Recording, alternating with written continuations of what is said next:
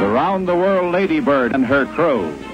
Ready for an adventure that nobody has ever tried before. USA holder vejret, da Emilia Earhart igen begiver sig ud på en rekordlang flyvetur, denne gang på vej rundt om jorden. Then I ran into a storm, which was one of the most severe I have ever been in.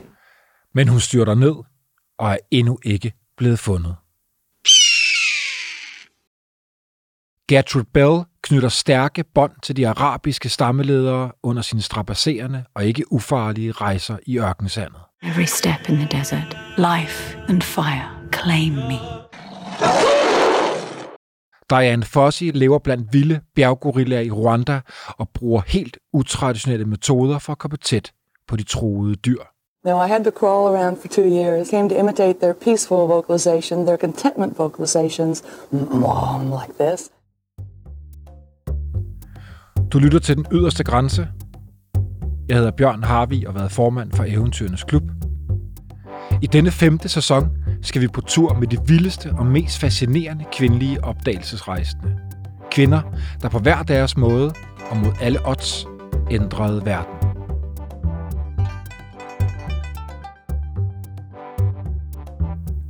Vi befinder os i Le på Papua Ny Guinea. Den amerikanske pilot Amelia Earhart, der fem år tidligere med et er blevet verdensberømt, da hun som den første kvinde havde krydset Atlanten alene i en flyvemaskine, er nu i gang med et endnu vildere projekt. Hun vil som den første kvinde flyve jorden rundt. Ved hendes side står hendes navigatør Fred Noonan. Det er den 2. juli 1937, og propellerne er begyndt at snurre.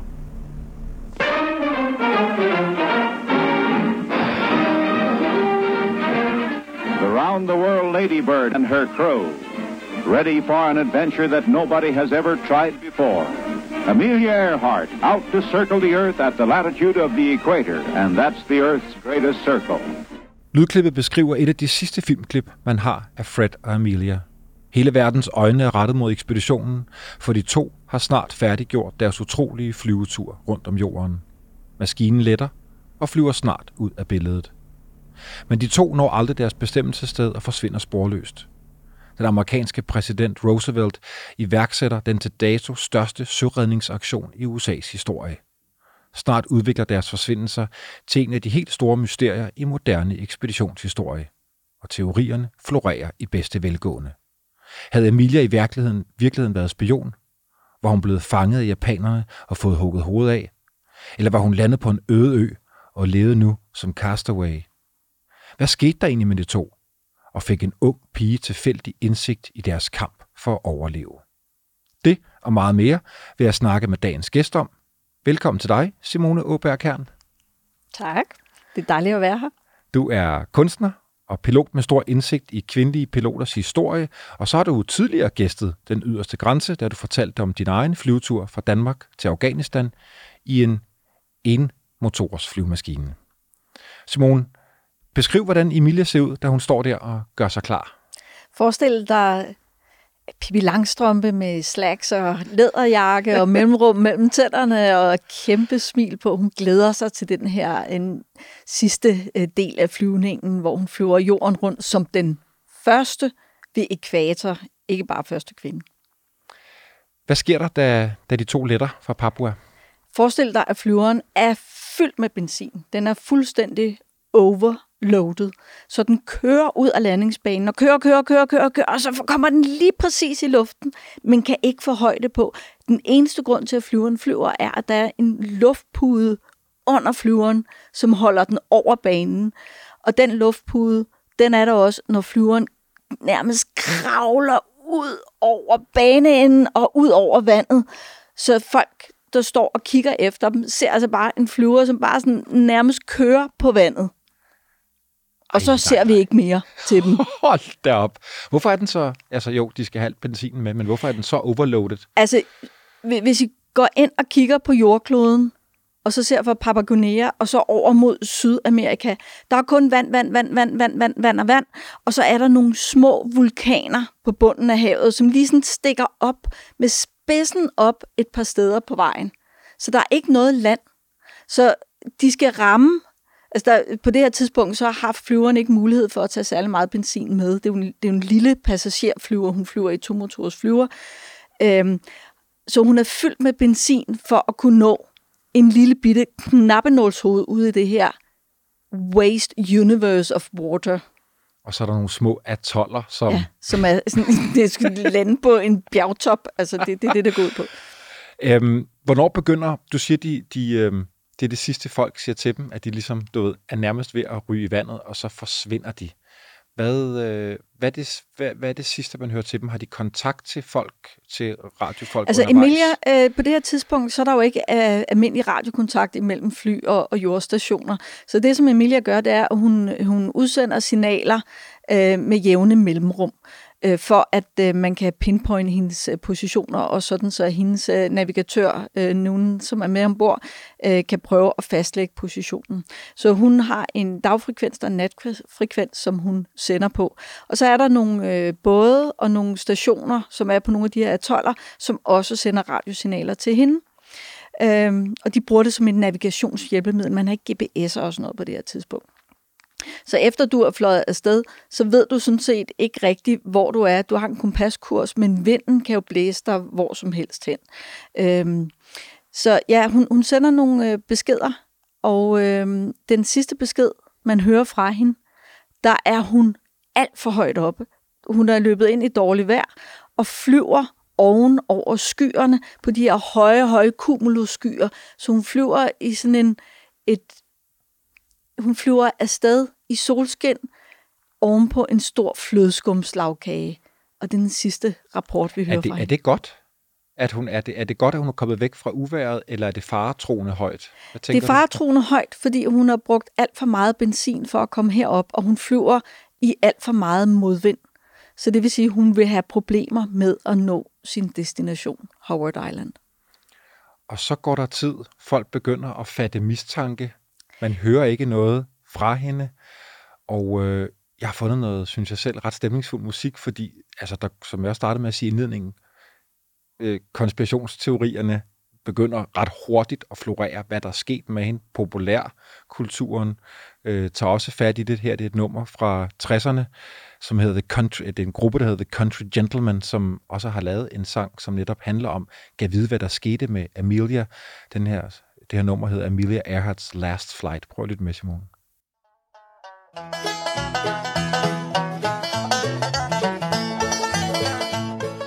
a ship out on the ocean, just a speck against the sky. Amelia Earhart flying out that day. With her partner, Captain Noonan, on the 2nd of July. Her plane fell in the ocean far away. There's a beautiful, beautiful field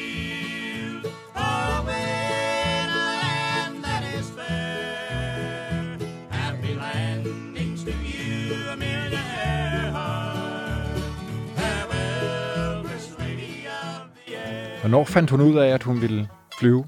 Allerede som barn, så fløj hun ud, når hun hoppede fra taget af deres hus sammen med sin lille søster. Hendes far inviterede hende på en flyvetur, da hun var, var, var teenager, men der sagde hun nej tak. Hun synes, det så så øh, alt for farligt ud. Hun arbejdede som øh, sygeplejerske i slutningen af Første Verdenskrig, og da øh, den spanske influenza brød ud, der var hun poder. Ah, det havde man ikke dengang, men øh, hun arbejdede med influenzasyge mennesker, blev faktisk selv syg af influenzaen og led af det efterfølgende Okay. af senfølger.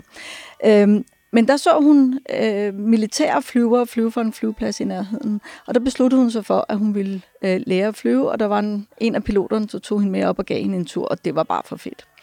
Øh, så hun besluttede sig for at flyve, og Nita Snook var hendes øh, kvindelige instruktør.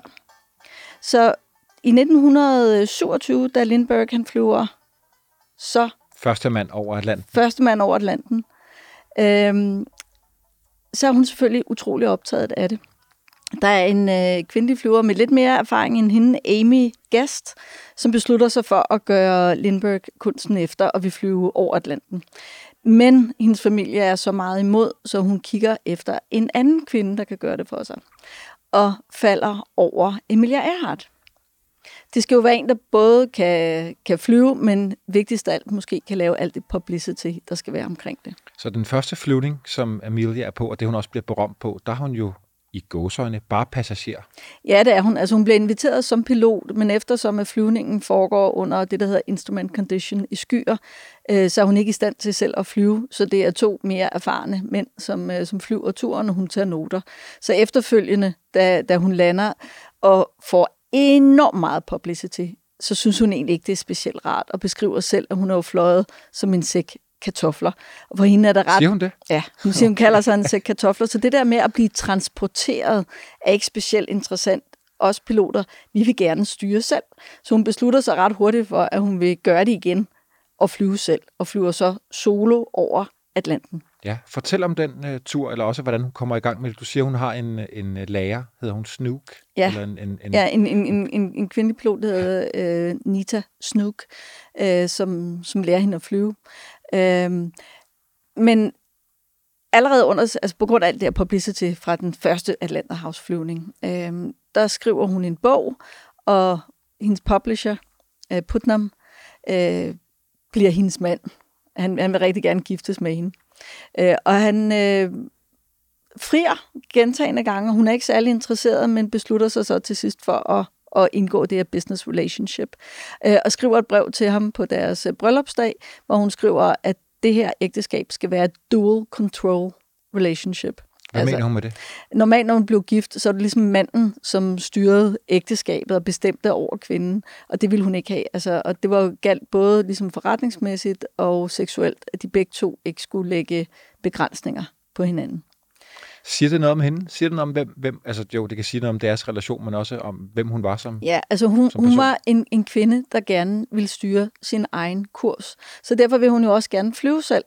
Og hun starter med at flyve et par gange over fra kyst til kyst i Amerika, øh, en lille gul flyver, som hun kalder The Canary, som er en dobbeltdækkerflyver, virkelig, virkelig svær at flyve, som er enmotors. Og så beslutter hun sig så at flyve over Atlanten og, og køber en, en øh, Vega, som er også et enmotors fly, og flyver over Atlanten. Og når man fløj, fløj fly i gamle dage, også ligesom den flyver, jeg fløj til Afghanistan i, så sidder du altså og styrer hele tiden. Altså du skal være på hele tiden. Og det er jo ikke ligesom bare en halv times flyvning. Øh, jeg kan ikke huske, hvor mange timer det er, sådan noget 27 timer eller sådan noget, du, du, skal, du skal flyve afsted. Så hun flyver over Atlanten selv. Men hun render ind i en storm og bliver blæst øh, nord for den kurs, hun havde tænkt sig, øhm, øh, og lander i, altså det er virkelig dårligt vejr, og så ser hun noget land, og så lander hun i en mark, øh, og det er så i Irland. Og det har vi lyd på, Simone. Hendes soloflyvning over Atlanten som den første kvinde. Hun flyver fra Newfoundland til Irland, tror jeg, og øh, bliver jo om muligt, en, eller det gør hun jo, en kæmpe, kæmpe stjerne efter det her, og bliver interviewet diverse steder, og øh, det har vi lyd på, så lad os, øh, lad os høre det. Monsieur Hart, would you mind indicating on this blackboard exactly the trials and difficulties that you encountered in coming across? Well, I'll try to give you some of the highlights of the trip if you wish. I took off the famous Harbor Grace runway at dusk, about 7.30 I believe. I flew for a couple of hours while sunset uh, lasted, and then two more hours as the moon came up over a bank of clouds. I had fair weather for four hours. Then I ran into a storm, which was one of the most severe I have ever been in. I milled around in the storm here for probably an hour, and with difficulty kept my course. I had been troubled with my exhaust manifold burning through all night. A weld broke shortly after I left Holy Harbor cow. Grace. Må ikke være and. I could see the damage increasing as the night wore on. I found specific thunderstorms probably three or four hundred miles off the coast of Ireland. I believe I saw land first about the middle. I decided to come down anyway in the best available pasture. I got down without any trouble and taxied to the front door of a surprised farmer's cottage. Og så spørger bundemanden hende, har du fløjet langt? Fra Amerika. Og svarer hun, helt utroligt. Hvorfor flyver hun om? Hun starter med at flyve om natten. Hvorfor gør hun det? Det er jo ret vigtigt, at når du skal lande, at det så er dag. Okay, jamen ja. Det var da... Ja.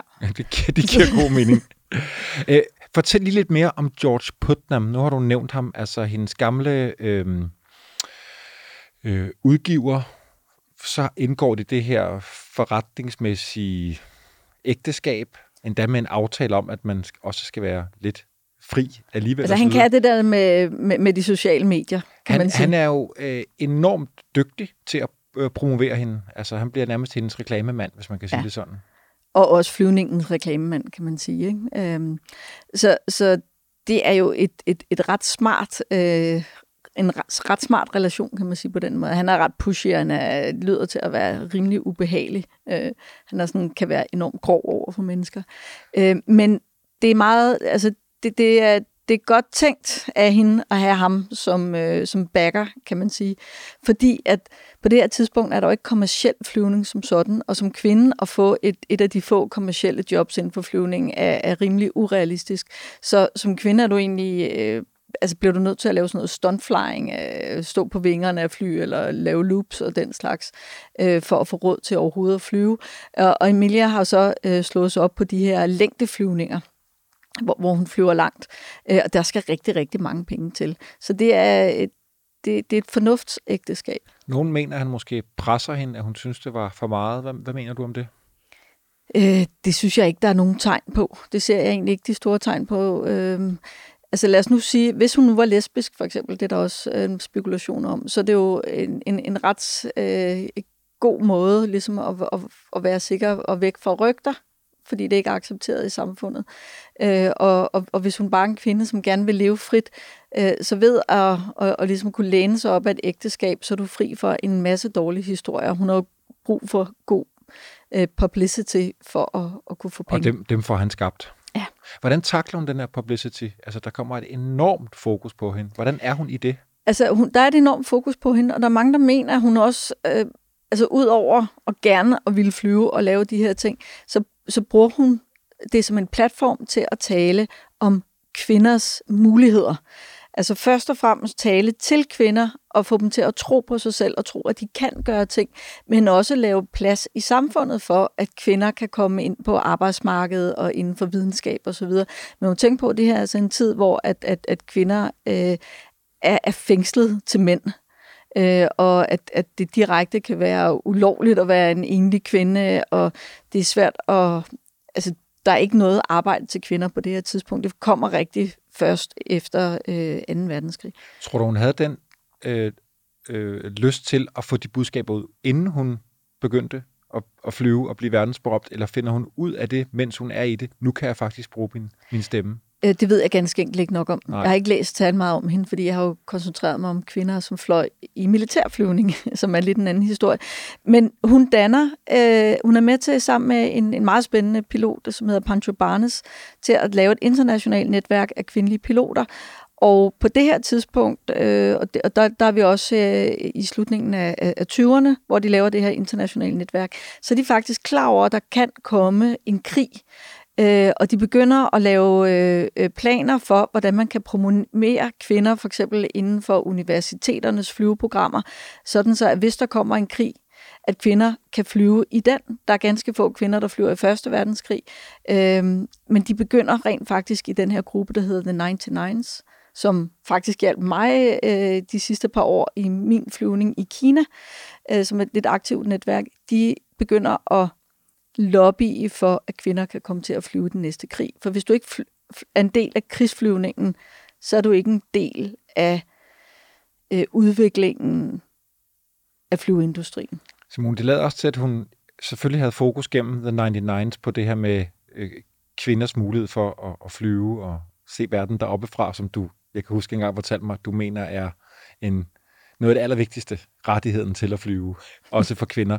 Men det lader også til, at hun, hun jo selvfølgelig forsøger at gøre opmærk- verden opmærksom på, at, at kvinder skal have, have, have, have bedre rettigheder, men måske også have bedre muligheder i den moderne verden. Hun holdt jo en, blev jo siden en meget berømt tale, der hed En kvindes plads i videnskaben. Og den synes jeg lige, vi skal høre en, en bid af. Det er fra et, en radiomontage fra 1935. Vi hører lige starten på, på den tale her. This modern world of science and invention is of particular interest to women, for the lives of women have been more affected by its new horizons than those of any other group. Profound and stirring as have been accomplishments in the remoter fields of pure research, it is in the home that the applications of scientific achievement have perhaps been most far-reaching, and it is through changing conditions there that women have become the greatest beneficiaries in the modern scheme. Science has released them from much of the age-old drudgery connected with the process of living. Simone, lad os blive ved, øh, ved hendes Atlanterhavsflyvning, den første, hvor hun flyver solo, og jo også, så vidt jeg husker, turnerer rundt i store dele af verden og bliver modtaget. Som en helt. Ja. Vi skal forestille os, at hele verden er igennem en depression, som minder os om det her, vi er i nu med coronaen. Altså økonomien er slået fuldstændig bunden ud af verden. Så det er en dyb depression. Og så er der en person, som gør noget fuldstændig grænseoverskridende, vanvittigt, fantastisk. Man har brug for en helt. Hun bliver modtaget af menneskemasser, som står og klapper hende, mens hun kører i kæmpe Cadillac'er med flag på, på snuden af bilen, hvor hun står op i en åben, åben bil og vinker til folket som en anden Napoleon, som indtager byer. Hun kommer kører igennem New York, og det regner ned med konfetti over hende. Altså hun bliver tiljublet. Der er en kult omkring hende, som er helt vanvittig møder præsident Hoover, tror jeg også, og så videre. Ikke? Altså... Og venner med Roosevelt. Og, altså, hun, hun er venner med præsidenterne, hun er venner med statsledere over hele verden. Folk vil gerne associeres med hende.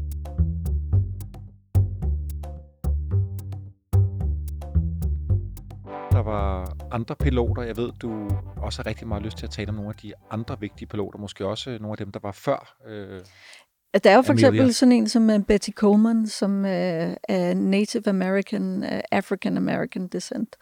Uh, hun flyver fem år før Emilia Earhart, og kan ikke komme til at flyve i USA. Altså, der er ikke nogen øh, anden kvindelig pilot, der stiller op og bliver hendes lærer. Der er faktisk ingen i USA, som vil undervise en sort kvinde.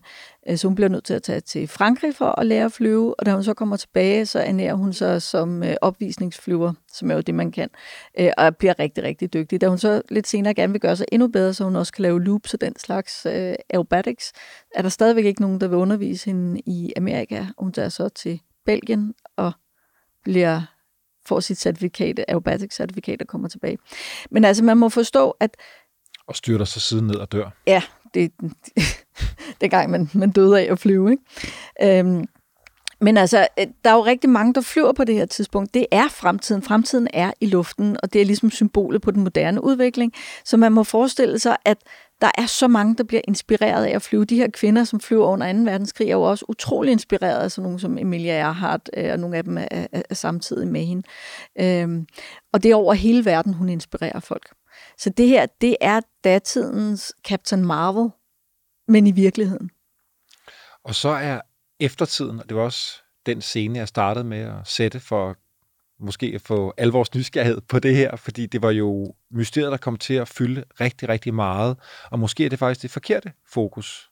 Øh, måske skulle vi i stedet for også tale om, hvorfor Amelia er vigtig, ikke fordi at det blev et mysterie, men fordi hun gerne ville fortælle os noget. Det har hendes søster i hvert fald fortalt. Jeg har fundet et fint klip med, øhm, med Erhards søster, som netop fortæller om, hvor vi burde have vores fokus på hendes søster. It's not the mystery of her disappearance that uh, uh, we want to stress.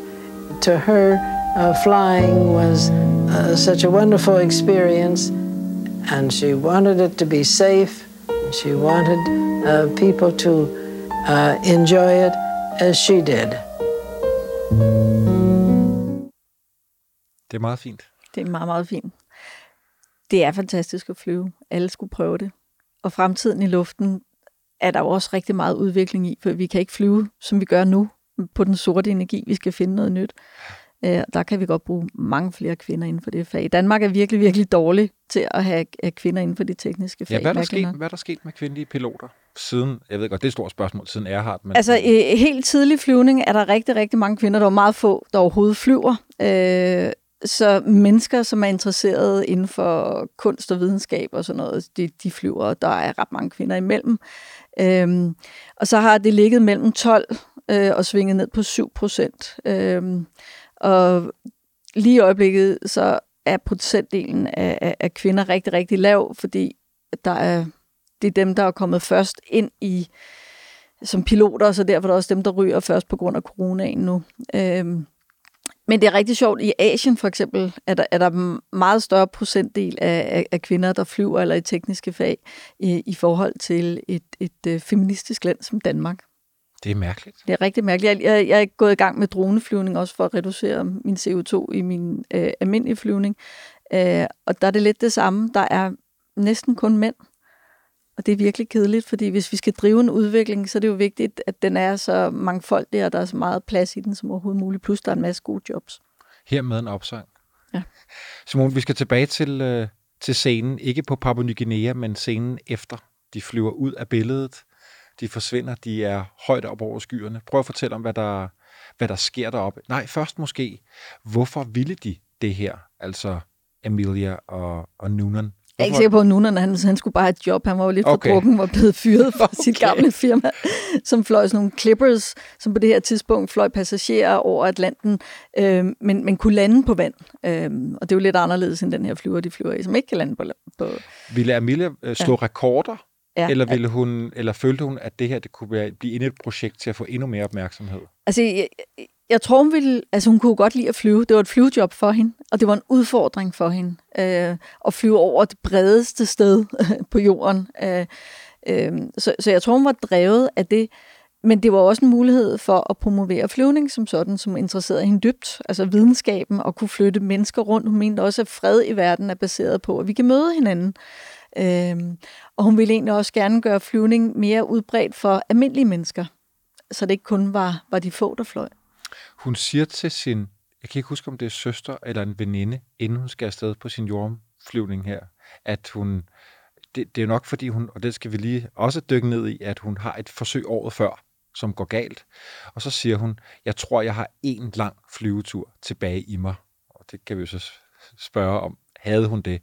Men hun tager faktisk, forsøger at tage afsted året før, og så går der noget galt. Ja, hun crasher på banen. Altså, vi har snakket om det her fuldstændig alt for tunge fly. Øhm, og der er et eller andet, der går galt. Sandsynligvis kommer den i luften, og så bouncer den ned igen, og så bryder det ene, øh, det ene ben, altså det ene hjul, bryder sammen under flyveren, så den kommer ned og ligger sådan lidt skævt, øh, og, og får et ret hårdt haveri. Og det er 36? Ja. Hvad, hvad, hvad gør det ved hende? Jamen det gør jo bare, så skal du reparere flyveren, og så skal du på den igen. Øh, og det er enormt hårdt, fordi jo, jo, du skal skaffe penge til det, det og du skal bygge flyveren op, og det er sindssygt. Øh, selvfølgelig er det mega, mega hårdt. Al, altså alle de her forberedelser, man drømmer ikke om, hvor mange forberedelser der er for at lave sådan en tur. Øh, du skal have følgeskibe ud og ligge i vandet, og du skal have overbevist mennesker. Og når du så lige har crashet din flyver, så er der jo rigtig mange flere, som lige pludselig mister tillid til dig. Altså folk skal jo tro på, at du kan gennemføre, for, for at du kan lave sådan noget. Man skal jo tro på sig selv. Det var derfor, jeg ja. spurgte, hvad ja. gør det ved hende? Fordi ja. jo, hun skal ud og finde penge igen og opmærksomhed igen, men hun skal jo også sige til sig, sig selv, at, at jeg kan. Ikke? Det hun har gjort, eller følte sig hun presset, tror du? Man kan se på hende, at hun er enormt presset det er sindssygt hårdt. Jeg tror egentlig ikke, at hun ikke tror, at hun kan nok. Altså hun har jo gjort så mange ting, så hun ved jo nok godt, at hun kan. Men det er sindssygt hårdt at overbevise andre, der hele tiden siger, at det her, det kan jeg ikke lade sig gøre. Det har jeg selv prøvet. Altså, folk de tror aldrig på mig, når jeg skal lave et eller andet. Øh, og, og det er sindssygt hårdt. Altså flyvningen i sig selv er i virkeligheden det mindste, men alt det der udenom, og det skal hun jo så en gang til. Men det, der, der er noget, der er interessant ved den her, den her måde, som flyveren crasher på og det kommer vi til om lidt. Okay. Hun hænger det op for højt oppe, starter du næsten med at sige. Hun er helt op over de øverste Altså skyer. energien, der skulle energien. kræve, at hun kom ja. derop, er for meget, så hun har brugt for meget af sin fuel. Øh, og nu skal hun prøve at finde den her ø. Der er problemer med radiofrekvenserne. Øh, de kan ikke bruge det moderne udstyr, som er ombord på flyveren, enten fordi de ikke er sat sig ordentligt ind i det, eller fordi at det simpelthen ikke rigtig virker. Det er det nyeste nye. Øh, Øhm, de har nogle øh, amerikanske krigsskib, som ligger ude, som sender til dem. Der bliver, de svarer ikke på samme frekvens. Øhm, og så får de kontakt, får de et radiosignal fra hende, hvor de kan høre, at hun er i 1000 fod. Altså, så er hun meget lavt nede. Og hvis man skal finde en ø ude i det her kæmpe øh, ocean, så kunne man jo godt forestille sig, at det godt kunne give mening at være højt op, så du kan se øerne. Men der er et spredt skydække, der gør, at du kan ikke, kigge, du kan ikke se de der bitte, bitte små øer ned igennem skydækket. Så derfor er hun gået ned i 1000 fod, øh, lidt over 300 meters højde. Og så kigger hun ud over et hav, hvor der er bare masser af pletter på grund af skyerne, skygger ned på vandet, giver pletter, og så skal hun så finde den her øh, ø. Ej, nej, nej. Og hendes navigatør har fået en, en læsning fra, fra solen, så han ved, hvilken linje de ligger på. De flyver sådan en skrå linje fra nord mod syd. Så hun, hun, skri, hun, øh, hun rapporterer, I'm flying the, the line from øh, Southern Line. Hun giver en melding på, på, hvilken linje hun flyver på. Op og ned af den her linje. Og så flyver det sådan et lost øh, pattern, som er sådan ligesom sådan et øh, inka, øh, sådan en, hvis man ser oven på en borg, sådan en skydeskårspattern. Zigzag, ja, eller hakker. Øh, ja, de flyver sandsynligvis sådan et spor op og ned. Og det, så hun, de ved ikke helt præcis, hvor på den her linje det er. Men den linje ligger ned over de her atoller, altså sådan nogle, der, der ligger sådan en bjergryg, som har øh, ja, sådan spidser, man kan, forhåbentlig kan lande på. Øhm, og det er ligesom det sidste, vi hører fra hende. Der er et sted, hun ved, hun kan lande.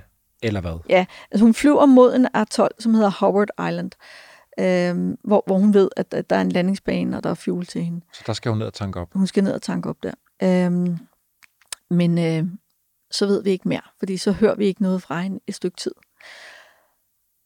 Skal Ja. jeg, skal, må, må jeg sætte mig i flyveren? Hvad mener du med det? Nu sætter jeg mig. Ja. Og jeg har siddet i sådan en flyver, en, øh, en Lockheed Electra. Den samme, som hun sidder i? En samme slags. Okay. Fordi der var en, en, en kvinde, som i 97 fløj turen. Og jeg har siddet i hendes flyver, Lindas flyver, Wow. i USA. Ja, men sæt dig op i den. Så nu sidder jeg op, og der er masser af instrumenter, og jeg kigger ud over den her blanke snude, og jeg ser en masse pletter derude. Og så lige pludselig, så er der noget grønt, som skiller sig ud af de her øh, blågrå skygger vandet.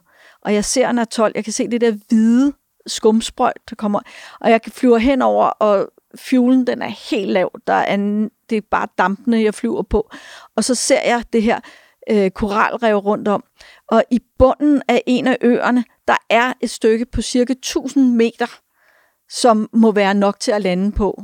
Så jeg vurderer, at jeg kan sætte min, min flyver ned der. Der er lidt skov på siden, så jeg kommer helt lavt ned og får øh, energien på flyveren ned.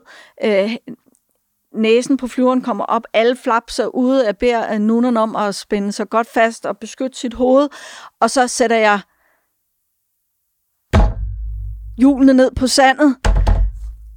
Det ene landingsstel, det giver efter under mig, og min flyveren ryger rundt på, på højre vinge og crasher ind i noget koralsten. Øh, nogen banker hovedet ned i dashboardet. Øh, flyveren kommer til et stop, og jeg slukker hele skidtet, og så ud af døren, jeg får nogen med mig ud, hvis nu flyveren eksploderer. Men der er jo ikke mere fuel, næsten ikke mere fuel i tankene. Øh, så vi kommer ud øh, og ligger der i solen. Wow. Er det, en, er det en scene? Er det sådan, du... Jeg tror, det er sket tror, sådan er her. sket? Fordi i de næste seks dage, så er der 120 meldinger fra flyveren. Der er radiosignaler, som bliver opfanget rundt omkring i verden. Fra nogle af de her skibe, krigsskibe, der ligger en hel armada og, og lytter efter hende. Og der er også nogle i USA og Kanada, som hører signaler fra hende. Og der er det ved det. Den her øh, Lockheed, den har radioantenner i bunden af flyveren. Hvis nu, at den var styrtet ned i vandet, som rigtig mange tror, så vil den ikke kunne sende efter, at den er løbet tør for fuel. Øhm, og jeg tror, at landingen har været nogenlunde god, fordi ellers så ville hun ikke kunne øh, få energi til batteriet. Altså radioen skal bruge elektricitet, og det kan hun kun få ved at køre motoren. Så derfor kan begge motorer ikke have været beskadiget. På hendes øh, første crash der ser det ud som om, det kun er det ene landingsstel, som øh, crasher i første omgang og giver efter. Så derfor sandsynligvis, hun kunne køre den ene motor og sende signaler. Og et af de signaler, der alle mulige historier, der er alle mulige folk rundt omkring i verden. Du nævner selv, Simone, 120 signaler derude, meget af det for militæret, men en, der får et signal på sin radio hjemme i stuen, det er hende, vi skal høre lige om lidt. En ung pige, altså nu er det interviewet med hende mange år senere som en gammel kvinde, men en ung pige, der hedder Betty, der bor i Florida, og hun havde for vane at komme efter skole og komme hjem og sidde foran sin forældres radio, og der havde hun en notesblok, fordi når hun fandt noget god musik, så skrev hun det ned på papir. Og hun sidder og roder på nogle, og det ved du meget mere om, nogle kortbølgesignaler, et eller andet, som de færreste nogle gange kan finde. Hun er blevet ret god til det, og hun får pludselig et signal fra en, hun er stensikker på, at er Amelia Earhart, og der er altså panik i kabinen. Prøv lidt med en gang, hvad Betty fortæller om, hvad hun hørte. The first thing I heard was, this is Amelia Earhart. That startled me. She said it several times. And I recognized that voice when I heard it. She was hurting. You know, there was something terribly wrong. You could hear him, but you couldn't make out what he was saying. But you could tell that she was trying to keep him away from the radio. And they'd wrestle around when he would try to get on. Amelia prøver at få Noonan væk fra radioen, og de wrestler around, de kæmper rundt derinde. Hvad, hvad, hvor, hvad, hvad mener eksperterne? Hvor, hvor mener man, at de er på det her tidspunkt? Altså, de må være landet, for der, altså man kan beregne, hvor lang tid de kan være i luften. Så de er landet på et tidspunkt, hvor der er fuel nok til, at motoren kan køre, for ellers har de ikke energi til radioen. Øh, så de er landet, og helt, man skal så lige forstå, at hele verden forestiller sig jo, er jo med på den her flyvning. Der sidder så mange små piger rundt omkring i verden, eller mennesker det hele taget, og forestiller sig, hvad der er sket. Så noget af det her, vi hører, det er jo også inde i hovedet på den her øh, pige, som sidder og lytter til radioen. Hun forestiller sig jo nogle ting. Øh, sandsynligvis er der sket det, at øh, Amelia prøver at sende på radioen, og, og ham der, nogen er måske øh, syg i hovedet af mangel på alkohol og vand, øh, og prøver at kæmpe med hende omkring radioen. Det kan ganske godt være, øh, men hun er i sandet og sidder og sender, eller sidder inde i kabinen øh, og prøver at, øh, at få nogle beskeder igennem, når hun siger, mm, this is Amelia, this is Amelia Earhart. Øh, og hun rapporterer blandt andet øh, noget mærkeligt, som den her pige, hun, øh, hun opfanger. Hun opfinder noget, som lyder som New York City, New York City, New York City. Og det lyder jo lidt mærkeligt, hvis de er landet på en eller anden atol midt ude i, i havet. Øh, men øh, ved den her ø, som hedder Gardner Island, som, hvor der er en del, der tror, hun muligvis er landet. Jeg er i hvert fald landet på den, da jeg var i Milliard lige før. Øh, der ligger et skibsfrag, hvor man kan se, at der står Norwich City. Så det kan godt være, at... Det er Emilias måde at fortælle, at vi er i nærheden af ja, det her skib. Det, der er lidt mærkeligt, det er, at den her pige, hun sidder altså langt væk i Amerika og ja, opfanger hvordan, de her radiobølger. Det er jo ikke signaler? internettet, som går lige godt igennem over det hele. Så normalt så får du den bedste øh, aflæsning af et radiosignal, hvis du kan se Altså radiosignaler, de, de, det bølger, som ligesom lysbølger øh, forplanter sig. Så normalt så er du ligesom, hvor, du kan høre, så langt du kan se. Øhm, men der sker det, at hun, hun sender, øh, hendes dagsfrekvens er meget, meget høj, og der kan ske det, at øh, bølgerne kan bounce på øh, et ioniseret lag, som lig, ligger op i øh, atmosfæren. Så forestil dig, at, at øh, radiosignalet bouncer mellem jorden og et lag op i himlen, og så kan det faktisk nå hele vejen til USA.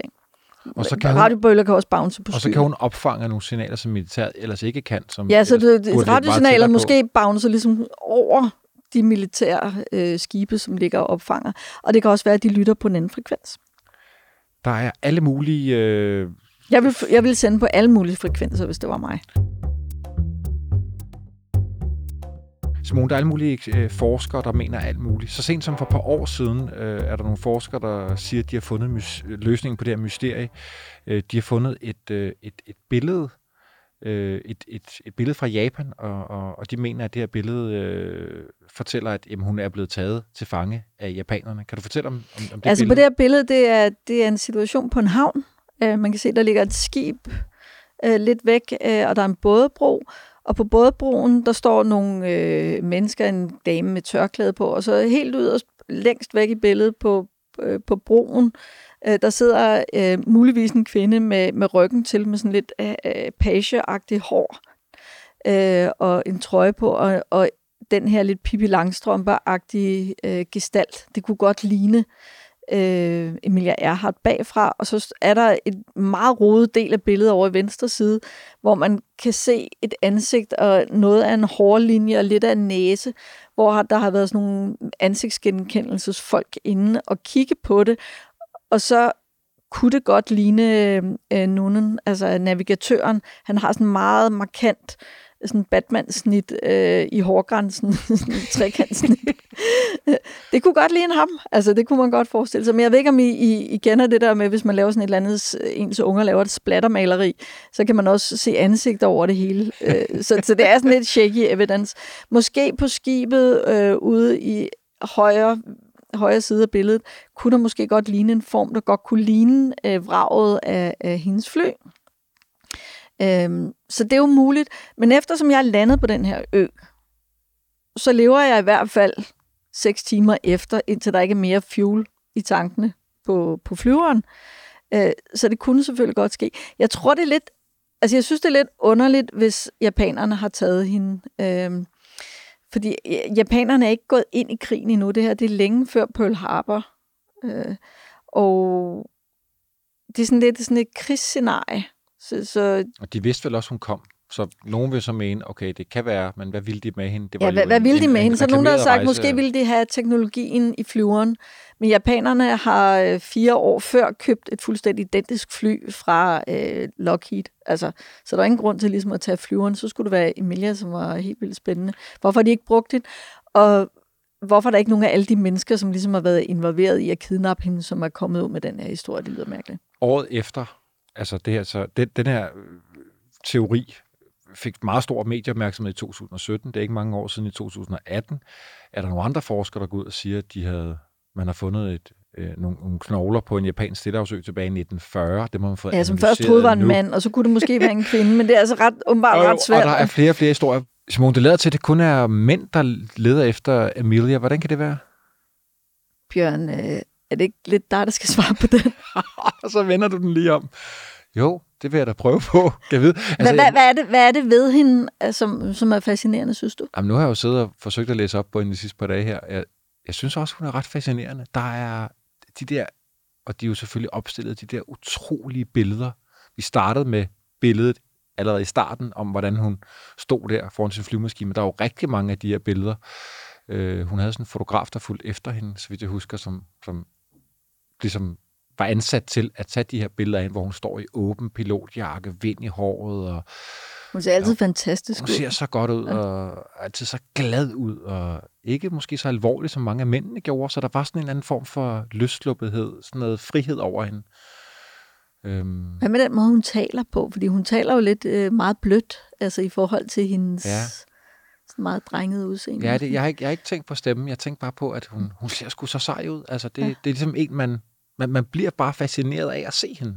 Ja, men, men, men det der med at grave, altså blive ved med at grave efter nogen, som er forsvundet, hvad, hvad, hvad ja, tror du, der altså, ligger? Jeg tænker bare, det er sådan en mysterie, der ikke må løses, ligesom vi har haft en episode med den, den gode Mylius Eriksen, øh, også her i den yderste grænse, og det er jo det samme. Altså, hvad, hvad skete der? Hvor forsvandt jeg? Kan vi tage ud og lede? Det der historie må ikke ende. Altså, Nej.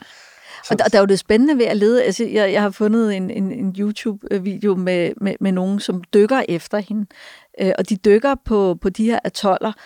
Og det, de finder ud af, som ligesom ligger ved siden, altså de finder ikke hendes fly, men de finder enormt biologisk spændende liv på de her atoller, som gør, at man nu har fredet enormt mange af dem. Okay. Øh, så, så, så lidt ligesom med månelandingen, måske var det ikke så interessant, om, den, om de rent faktisk landede derop, eller at, at vi kan lande derop, men alle de ting, som det leder, altså når vi leder efter noget, så finder vi så meget mere. Altså vejen er måske mere interessant end målet. Så man skal bare finde et eller andet mål, som gør, at, at der er nogen, der vil finansiere ens rejse for at finde det. Kan det være sådan noget? Et eventyr føder det næste, på en ja. eller anden måde. Ikke? Ja. ja. Jamen, det tror du kan ret i.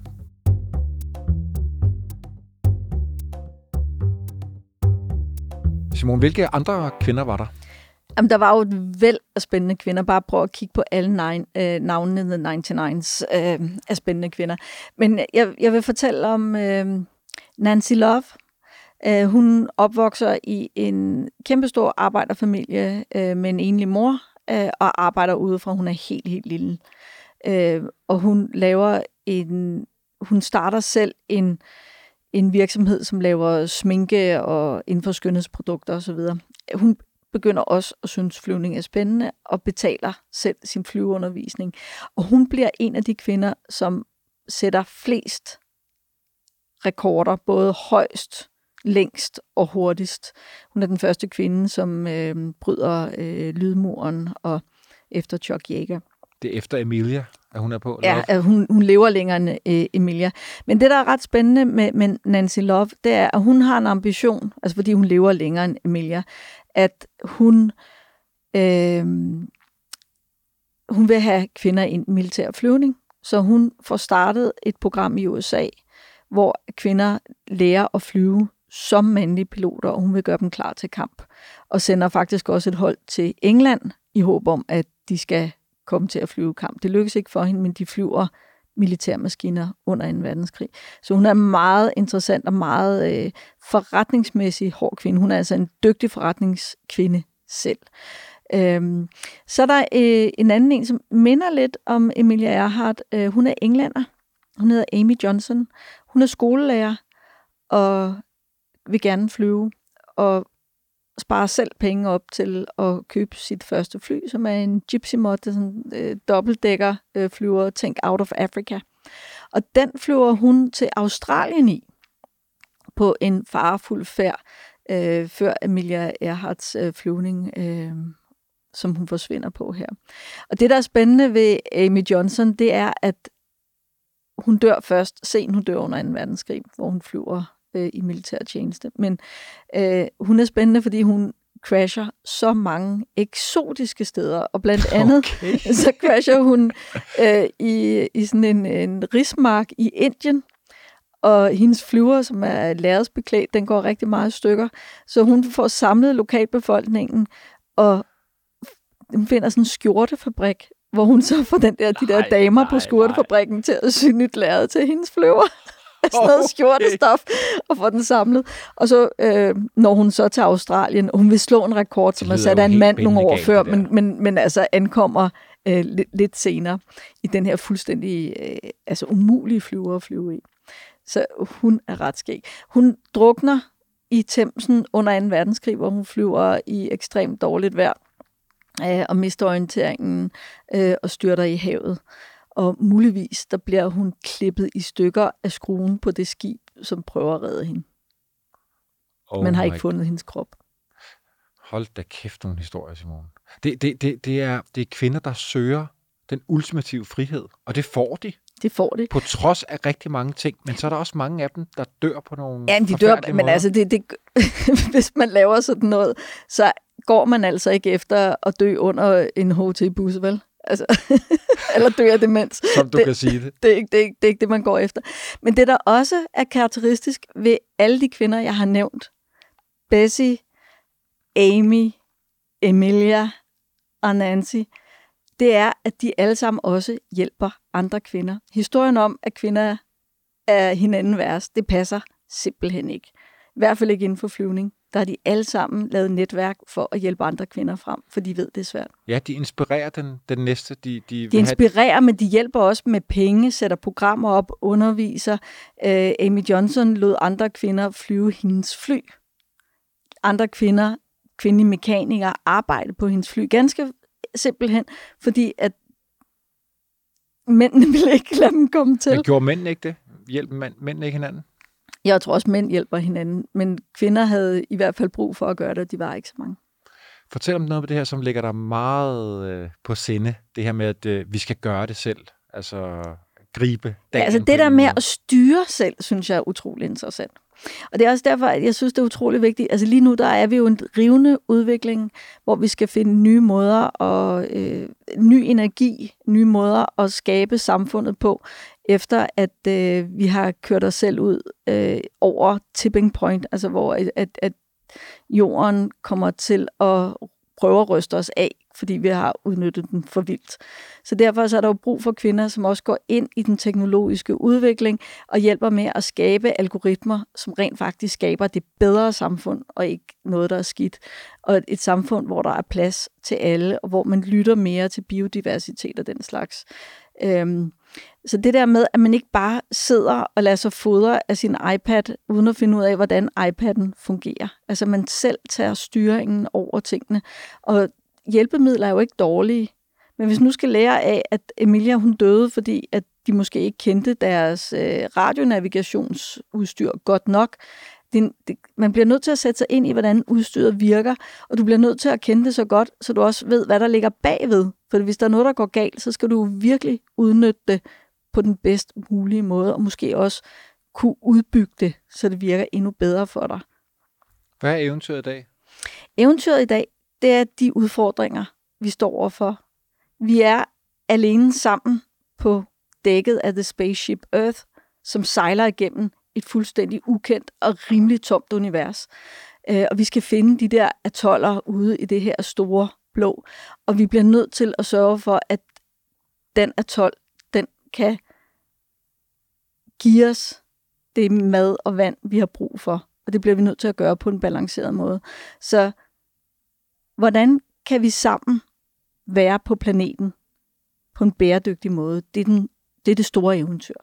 Det er, hvor, det er den nye månelanding. Være på planeten på en bæredygtig måde. Det er, den, det, er det store eventyr. Det er, hvor, det er den nye månelanding. Hvordan kan det være, at vi i dag, så mange år efter, stadigvæk er fascineret af den her Altså jeg ved jo ikke det der vi. Altså jeg synes jo, det er mere spændende at lave nye eventyr og opdage nye ting eller andre måder at se verden på. Men der er åbenbart et eller andet, øh, hvor man ikke accepterer, at James Bond eller Emilia Earhart, øh, James Bond han ligger og ruder rundt i sin lille gummibåd med en kæreste, Emilia Earhart flyver afsted over skyerne. At man ikke vil lade dem være. Jamen er det fordi, at hun var denne her øh, spændende og hun var en kvinde, og så forsvandt hun. Er det det, der... Jeg ligesom... tror bare, det der med den, der, den specielle ener, altså at, at, at det, det, det fascinerer enormt mange. Øh, dem der, der, der går ud og gør det, de fleste ikke gør. Øhm. Og måske skal vi aldrig få en... Nej, altså for en, mig så... En, en jeg, jeg, jeg, jeg synes, det er meget bedre at efterlade hende øh, på øen og lade hende forsvinde, hvis hun ikke gad The Public Light, eller lade hende flyve videre over skyerne. Jeg lader mine heldinder og mine veninder, de flyver videre over skyerne. Og det gør jeg også, når jeg engang ikke skal være mere. Og det gør vi med Amelia. Så tusind tak for i dag, Simone. Og så synes jeg, vi slutter af med at høre lidt mere af det her fine nummer fra 60'erne. Så lad os inspirere. Gør det selv. well, a half an hour later, an SOS was heard. Signal weak, but still the voice was brave.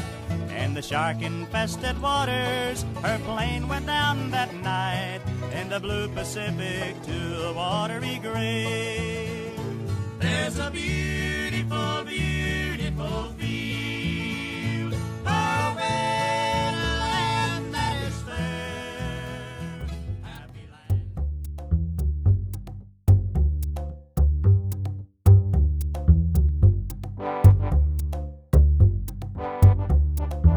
Den yderste grænse er produceret af kontorer Jul og Brunse for Nationalmuseet og Radio Loud med Bjørn van Overim bag lyden.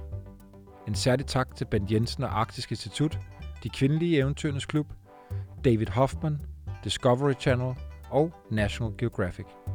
Find serien på vorestid.dk eller der, hvor du normalt finder dine podcasts.